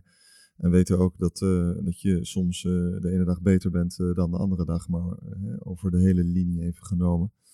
En we praten over gemiddeldes hier. Dan zie ik bureaus op niveaus acteren. Dat ik denk, dat is toch echt wel heel erg knap uh, wat ze daar doen. Uh, dat kan zijn dat je helemaal in de core business van e-commerce zit en bedrijf letterlijk digitaal maakt en, en, transformeert naar relevante spelers die daardoor meer auto's of verzekeringen of wat dan ook verkopen. Hele businessmodellen die daaronder hangen. En ja, ervoor zorgen dat de verdiensten een double digit gaan. Tegelijkertijd zie je ook dat er creatieve bureaus zijn die eh, dingen met het merk doen. Turnarounds, nou, neem Koning Toto, uh, ik kom er weer even op terug. Of bij ons Hertog Jan bier, wat, wat een ongekende groei heeft, heeft meegemaakt in marktaandeel, in volume. En echt een, een markt kantelt als het gaat om de spelers die daar al jaren rondlopen. en ik dan kijk van oké, wat, wat zijn dan daar de, de uurtarieven die we krijgen? Of hoe kan het zijn hè, dat wij dan uiteindelijk eh, niet onszelf zo dusdanig weten te positioneren dat we ook daar misschien iets meer van mee kunnen en mogen profiteren. Want, want de, de, de, de groei die daar financieel wordt doorgemaakt, ja, dat staat niet in verhouding tot wat je uiteindelijk uh, met de klant afspraak om betaald te krijgen. En dat gaat allemaal in hele goede orde. Dus we zijn er zelf bij. Er zijn ook helemaal geen discussies over. En uh, bij sommige klanten werken we ook performance-based, waarbij je een klein stukje kan mee profiteren als het goed gaat. Maar dat is nog mondjesmaat. Daar willen we wel uh, steviger nu, vanuit de crisis ook gedreven, willen we daarop gaan inzetten. Dat we meer business-minded met klanten ons, ons werk gaan doen en ook ons daaraan durven te committen. Maar ja, 86 euro of 88 euro, dat kan gewoon echt niet. En, en, maar hoe, hoe hoe kan je daar, kijk, je, kan niet ineens tegen een klant zeggen die jarenlang iets voor 86 heeft gekocht. Uh, we hebben er nog eens goed over nagedacht. Het is vanaf het komend jaar 140. Dat gaat niet, dat weet je ook. Dan, dan heb je stond aan de knikker. Zit het hem dan in het veranderen van je diensten? Moet je je producten niet meer voor de pakketprijs wegduwen, maar moet daar een soort van recurring revenue stream aan zitten? Eh, nou ja, kijk, ik, ik denk niet dat je het individueel gaat, uh, gaat schaffen dit. Dat, dat gaat niet lukken, want dus als jij uh, Nobel zegt, oké, het is vanaf nu 140, want we doen het zo goed. Dan, uh, weet je, dan belt mevrouw uit Hongarije op van de afdeling purchasing en die zegt, nou, we gaan een pitch uitschrijven. Weet je het zeker? Weet je het zeker? En nee, maar even, kijk, um, dit zijn nou typisch onderwerpen en daarom schrijf ik er ook over, waarvan ik vind dat de, de belangenverenigingen, de brancheverenigingen, uh, dat collectief uh, aan de kaak moeten stellen. Uh, het, het, dan ook daadwerkelijk moeten gaan oppakken. En vraag ook maar daarin de commitment en medewerking van bepaalde leden. die zich daartoe geroepen voelen of die daar invloed of kanalen hebben waarvan ze zeggen, nou ik wil daaraan meewerken. Want anders gaat je niet lukken. Nou, ik zit ook te denken nu, er zijn gewoon heel veel grote bedrijven waar je nou, in, in, een van de eerste meetings waar je in zit, is het gewoon een Excel-sheet waar je doorheen loopt van wat zijn je uurtarieven. En ja. dan gaat dan de kaasschaaf even overheen. Ja. En dan pas mag je creatieve dingen gaan doen. Dus dan heb je dat gesprek eigenlijk al gehad en heb je ook niet meer de mogelijkheid om, om die business deal er doorheen te krijgen. Dus dat hele proces zal dan ook op de schop moeten. Ja, en, en, ja, en door er PR aan te, te wijden, door, door te wijten, door um, te zorgen dat je een keer in het FD staat met zo'n discussie. Uh, als voorzitter van de DDA of van de BVA of van de VA. Weet je, het maakt niet uit. Het is, het is laat mensen uh, gebruik de lobby om dit soort uh, belangrijke discussies te voeren. Want het gaat hier wel over een ontzettend belangrijke industrie in Nederland inmiddels, in het MKB. we zijn daar echt van een helpen mee om die motor goed te laten draaien. En ik, ik geloof ook in de, in de kracht en de creativiteit die wij gezamenlijk bieden. Uh, ja, dus dat moeten we gaan stuwen omhoog. Het kan ook echt niet lager. Dat, dat, want dan zit je gewoon maar ja, jezelf aan het werk te houden zonder dat je uh, een gezond bedrijf aan het bouwen bent. Hey, hey, en, en het andere ding waar je tegenaan schopt is het pitchen. Ja. Uh, ik ben creatief, dus ik vind pitchen fantastisch, leuk als we winnen. Jij schrijft Het is eigenlijk een beetje een soort van ongezonde traditie, omdat je loopt er als bureau zakelijk op leeg. Daar heb ik geen verstand van. Dus ik dacht, nou dat is goed om wat een keertje te horen. Weet ik waarom eh, onze managing director Daan altijd zo zagrijnig is om als het niet gewonnen wordt. Eh, nee, maar jij zegt, eh, je loopt er financieel op leeg. Je creatief team is Nou, aangeslagen. niet alle pitches, hè, maar de, die, verloren die, die pitches. hele, die hele, nou Of ja, de en vooral die hele, hele grote, dat is, soms hoor ik wel eens wat daarop geïnvesteerd wordt, dan denk ik, mijn hemel. Ja, dus dus zo- zonde, zonde van het geld. Creatief team is aangeslagen. Ehm, volledig mee eens. Wat is het alternatief? Want ik, kan me, ik, ik zet me heel even in, aan de klantzijde neer. En ik, dan, dan lijkt pitchen weer een heel aantrekkelijk construct. Want je krijgt, iedereen doet lekker zijn best. Iedereen wordt gedwongen om even wat anders te doen. Je kan je huidige bureau eens eventjes flink door elkaar heen rammelen. Ja. Dus vanuit meneer de brandmanager slash CMO denk ik, nou, Ja. gaat toch prima. Nou, kijk, ik snap dat ook. En het is ook iets, pitchen zal er altijd blijven. En en to be honest, ik vind het zelf ook eh, altijd eh, een van de ja, spannendste momenten in een bureau. De kick die, die je krijgt als je een nieuw klant binnenhaalt door een, een, een vrij forse pitch. Dat is ongeëvenaard. De klap is aan de andere kant even groot. Maar er zijn gewoon ook echt andere methoden die ook heel goed kunnen werken. En waarvan ik vind dat het wat slimmer is om het zo te, doen. Ehm, kijk, als je als merk op zoek bent naar een goed nieuw bureau, dan moeten ze natuurlijk sowieso creatief zijn. Dat is evident. En het is natuurlijk hartstikke leuk als er ook iets heel gaafs uitkomt. Of iets heel geestigs. Of dingen waar je een prijs mee wint. Dat, dat is ook hartstikke leuk. Maar wat natuurlijk heel belangrijk is, is dat eh, het bureau wat je, waar je naar op zoek bent, is dat die, die strategie eh, van dat merk eh, weet te kraken. Want dat is natuurlijk de lange termijn koers die je gaat varen. En waar een bepaalde creativiteit overheen wordt gelegd. Maar het fundament van de nieuwe koers van het merk is de strategie. En als de strategie succesvol is, zoals die bij Hertog Jan was, met uit liefde voor bier, om een voorbeeld te noemen, dan komt die creativiteit vanzelf wel. En daar, daar word je altijd op uitgedaagd en daar moet je jezelf ook altijd op blijven uitdagen als bureau. Maar eh, die strategie die doet zijn werk en daarmee komen de businessresultaten. En daarmee ben je als bureau en als merk ben je succesvol. Dus als ik dan de keuze zou hebben als brandmanager of als CMO, zal ik het zwaartepunt leggen op een creatieve pitch. Of meer chemistry sessies gaan doen, waarbij ik ze uitdaag om hè, mij te presenteren van waar moet ik nou naartoe met mijn werk, los van de creativiteit. Ja, dan eh, kan ik dat van harte aanbevelen. Want wij hebben zo ook eh, drie nieuwe klanten binnengehaald die uitermate eh, ja, blij zijn met eh, deze, deze aanpak. Het scheelt hen heel veel tijd. Je kan vrij snel aan de slag. En doordat je die strategie goed hebt uitgedacht al, kun je daarna vrij snel eh, op basis van een hele goede briefing, kun je tot lekkere creativiteit komen. Pak je dan de, de financiële pijn die normaal in zo'n enorme pitch zit, pak je die dan op dat strategietraject? Dus dat je dat ziet als investering en dan over de jaren op creatie eh, weer, weer eh, boven water komt? Ja, ik, kijk, ik denk dat, dat kijk, strategie eh, is veel minder, althans, als, als ik gewoon kijk naar hoe, hoe wij dat dan tot nu toe hebben gedaan, strategie is veel minder veel eisend en, en arbeidsintensief uiteindelijk dan eh, die hele goede creatie neerzetten. Want eh, weet je, wij zitten eigenlijk altijd vol. En als je dan zo'n pitch aankomt, dan eh, moet er creatie bij komen. En dan is het, oh shit, we hebben geen capaciteit, we hebben geen tijd. En hoe gaan we dit doen? En dan ga je mensen inhuren. En dan spreek je af dat dat binnen zoveel tijd moet. Nou, het gaat altijd keer twee, want je wil het dan toch eigenlijk uiteindelijk perfect maken. En zo ga je, ja, vlieg je de bocht uit eigenlijk altijd op, op kosten en, en creativiteit. Ah, zo doen wij het. Eh, Mhm. ik- dat is ook misschien helemaal de norm niet, maar ja, ik heb toch te vaak met, eh met directeur gesproken die, eh, die dit wel beamen. En dat zie je ook aan de bijval ja, die ik kreeg op, op deze blog eh, 15 juni. Dat ja, het is wel een grote herkenning. Ja, nee, het, dat is 100%. eh, dat moet ik voor mezelf persoonlijk zeggen. Dat is 100% waar. Is, je zegt net zelf, we hebben drie klanten door die nieuwe aanpak, laten we maar zo verduiden, gewonnen. Ja.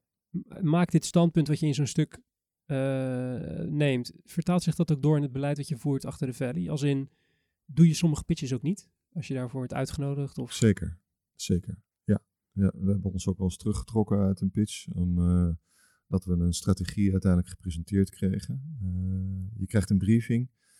En daar willen we dan altijd een toelichting op. Uh, dan met name op strategische stukken. En dan in dit geval bleek het een, een strategie te zijn die eigenlijk een, een slap aftreksel was van de moederorganisatie die in Spanje zat. die voor dat automerk verantwoordelijk was. En dat werd eigenlijk maar ja, overgenomen door Nederland. Terwijl wij zeiden, ja, maar dat gaat gewoon niet werken. Als, als, als we op basis van deze strategie de creatie moeten gaan doen, ja, dan doen we gewoon niet mee. En dat hebben we toen ook niet gedaan. Dus, dus uh, die lijn van dat, uh, hè, die, die, die, die, strategielijn, die, daar zijn we wel echt heel streng op. Een ander vakje wat je wast in het stuk zijn de awards. Ja hebben wij een tijdje geleden ook een uh, aflevering aan gewijd, of een tijdje geleden is dat. Uh, nou ja, de, de, wildgroei, de onzekere waarden die ze vertegenwoordigen, de tijd die erin wordt geramd. Uh, dat zijn allemaal argumenten die we wel al, waar we het mee eens zijn, maar die we wel veel hebben gehoord. Is dit niet een dood paard waar we aan trekken? Misschien wel. Misschien wel. Ja, zolang ik uh, meedraai, uh, al tien jaar zijn ze er. En ik ben ook op menige woordshow dronken geworden en, en kostelijk vermaakt. maar ja, kijk. Het voordeel van deze hele coronatijd was dat ik ook eens een keer echt goed kon nadenken. En dan komen dit soort blogs vanzelf uit je pen. Kijk, als je dan heel succesvol bent als bureau en je, je, je, wint echt veel awards, waar ik heel veel respect voor heb, van die bureaus die dat toch keer op keer allemaal maar weer doen. Maar hoe lang zijn die klanten nou echt bij ze gebleven? En hoeveel geld hebben ze nou uiteindelijk echt op al die klanten verdiend? Dan denk ik, dus stel daar dan jezelf gewoon kritisch de vraag. En als het antwoord daarop drie keer nee is, ja, weet je, kap er dan gewoon mee. Doen jullie nog mee aan awardshows? Uh, als we 300% overtuigd zijn uh, van dat we een, uh, een, prijs kunnen winnen, dan gaan we hem inzenden, ja. Dus maar dan is, dan is kijk, wij zenden niet meer in voor de Spin Award en we zenden ook niet meer in, nou, denk ik niet meer voor de, voor de Esprit. Ik, wij vinden San en Effie vinden wij twee prachtige prijzen. En als het kan, dan, dan doen we het. Maar we doen het, als, ieder jaar hebben we weer de vraag, zullen we gaan inzenden? En ik denk dat we nou, zeven van de tien keer niet hebben gedaan. En wat, wat, dus waardoor steken die tweede dan bovenuit? En, en nou, FI, dat hoef ik denk ik niet uit te leggen. Ik zit ook in de jury en ik vind dat echt geweldig. De, de cases die dan door je handen gaan, dat, dat is gewoon uh, topkwaliteit. En een pleidooi voor het vak. Dus ja, dat, uh, dat is gewoon echt, echt, vind ik, waar het vak over gaat. bereik je effect met, met wat je doet als bureau beetje een schorre stem, jongens. Een soort Barry White aan het worden. ja, ja, Wordt steeds zwoeler We zijn nog niet eens begonnen. een slokje water. Uh, maar, uh, en de San vind ik uh, op zich ook wel, die hebben wel aardige categorieën.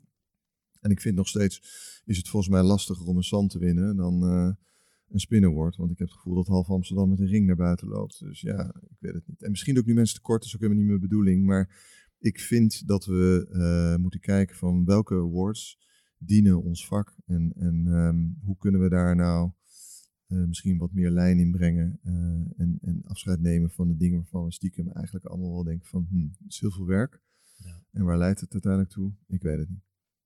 Nou, daar moeten we onszelf dan maar gewoon in deze tijden gewoon kritisch keer aankijken. Volgens mij is dit het moment om onszelf heel veel vragen te stellen als industrie, als branche. Uh, en en ook dan proberen de knopen door te hakken door gewoon eens een keer dingen niet te doen. We willen altijd wel. En als we dan iets doen, dan gaan we ook nog meer verzinnen. En, en ik denk dat dat uh, ja, niet bijdraagt aan de gezondheid van onze, van onze industrie. Wat doe je als bureau-eigenaar niet meer, wat je tien jaar geleden wel nog deed?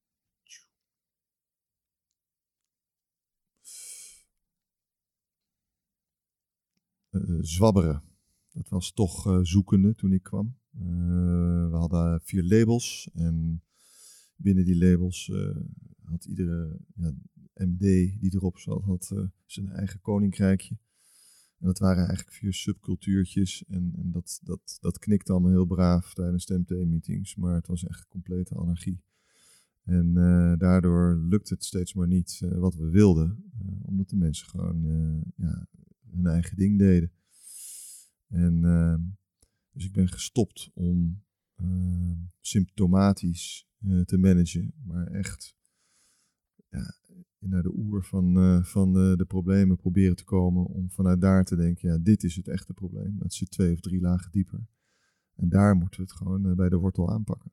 Wat zijn dingen die je persoonlijk doet om niet in die val van het symptomisch sturen te trappen? Te vallen, moet ik zeggen? Nou ja, heel veel. eh dat is ook wel een vermoeiende eigenschap. Niet eh, snel tevreden zijn. Niet achteroverleunen en denken: ja, dit is de gouden formule. En eh, een beetje Total Brands, dat is het. Want over twee jaar of over een jaar is dat misschien alweer anders. Dus dat on the ball zijn, dat, eh, ja, dat, dat is soms ook wel dodelijk vermoeiend. Eh, we hebben toch na de Valley hebben we ook drie andere bedrijven gestart. En eh, nou, ik, ik denk dat jullie ook wel weten hoe moeilijk het eigenlijk is om een nieuw label of, of een, een nieuw bureautje te starten.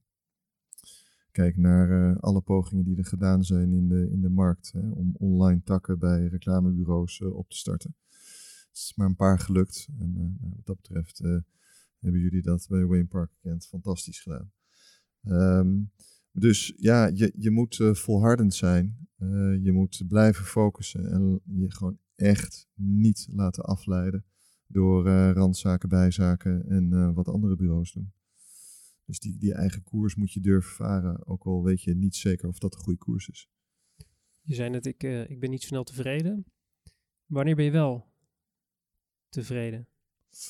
Eh, nou, ik, ik heb dat ook moeten horen, want eh, ik doe natuurlijk ook wel eens veel aan zelfontwikkeling en, en sta open voor, voor mensen die, die mij ook een beetje op scherp houden. Want je zei al, het is eenzaam aan de top, dus je gaat toch af en toe even op zoek naar een scherpe spiegel of mensen die gewoon iets heel anders doen en ja, eigenlijk eh, bevrijdende vragen stellen. En ja, één daarvan was ook de van de dankbaarheid die je moet hebben als, als mens ook, het maakt je alleen maar krachtiger. En als je constant maar eh, op het moment dat je weer iets bereikt, vinkje zet en dan door en dan door. En dat is toch een beetje de aard van, van als je, als je eh, ja, aan het ondernemen bent. Het is voor je gevoel nooit goed genoeg en eh, je, je bent maar aan het, eh, aan het rennen en aan, aan, aan, eh, aan, aan, hard aan het werk. Maar je moet die momenten hebben dat je af en toe ook denkt, ja, het, het gaat eigenlijk hartstikke goed. En eh, wat hebben we eigenlijk een eh, mooie tent staan en eh, wat zijn we eigenlijk een, een leuk bedrijf. Want kijk, als je dat niet doet, dan ga ik dat ook niet uitstralen naar, naar onze mensen toe. En ik, ik kan van nature boos kijken. En dan, zo zit mijn gezicht het lekkerst. en, maar dat is helemaal niet goed. Mijn moeder zei vroeger altijd tegen mij van, ja, kijk nou niet zo boos. En je bent veel leuker als je lacht.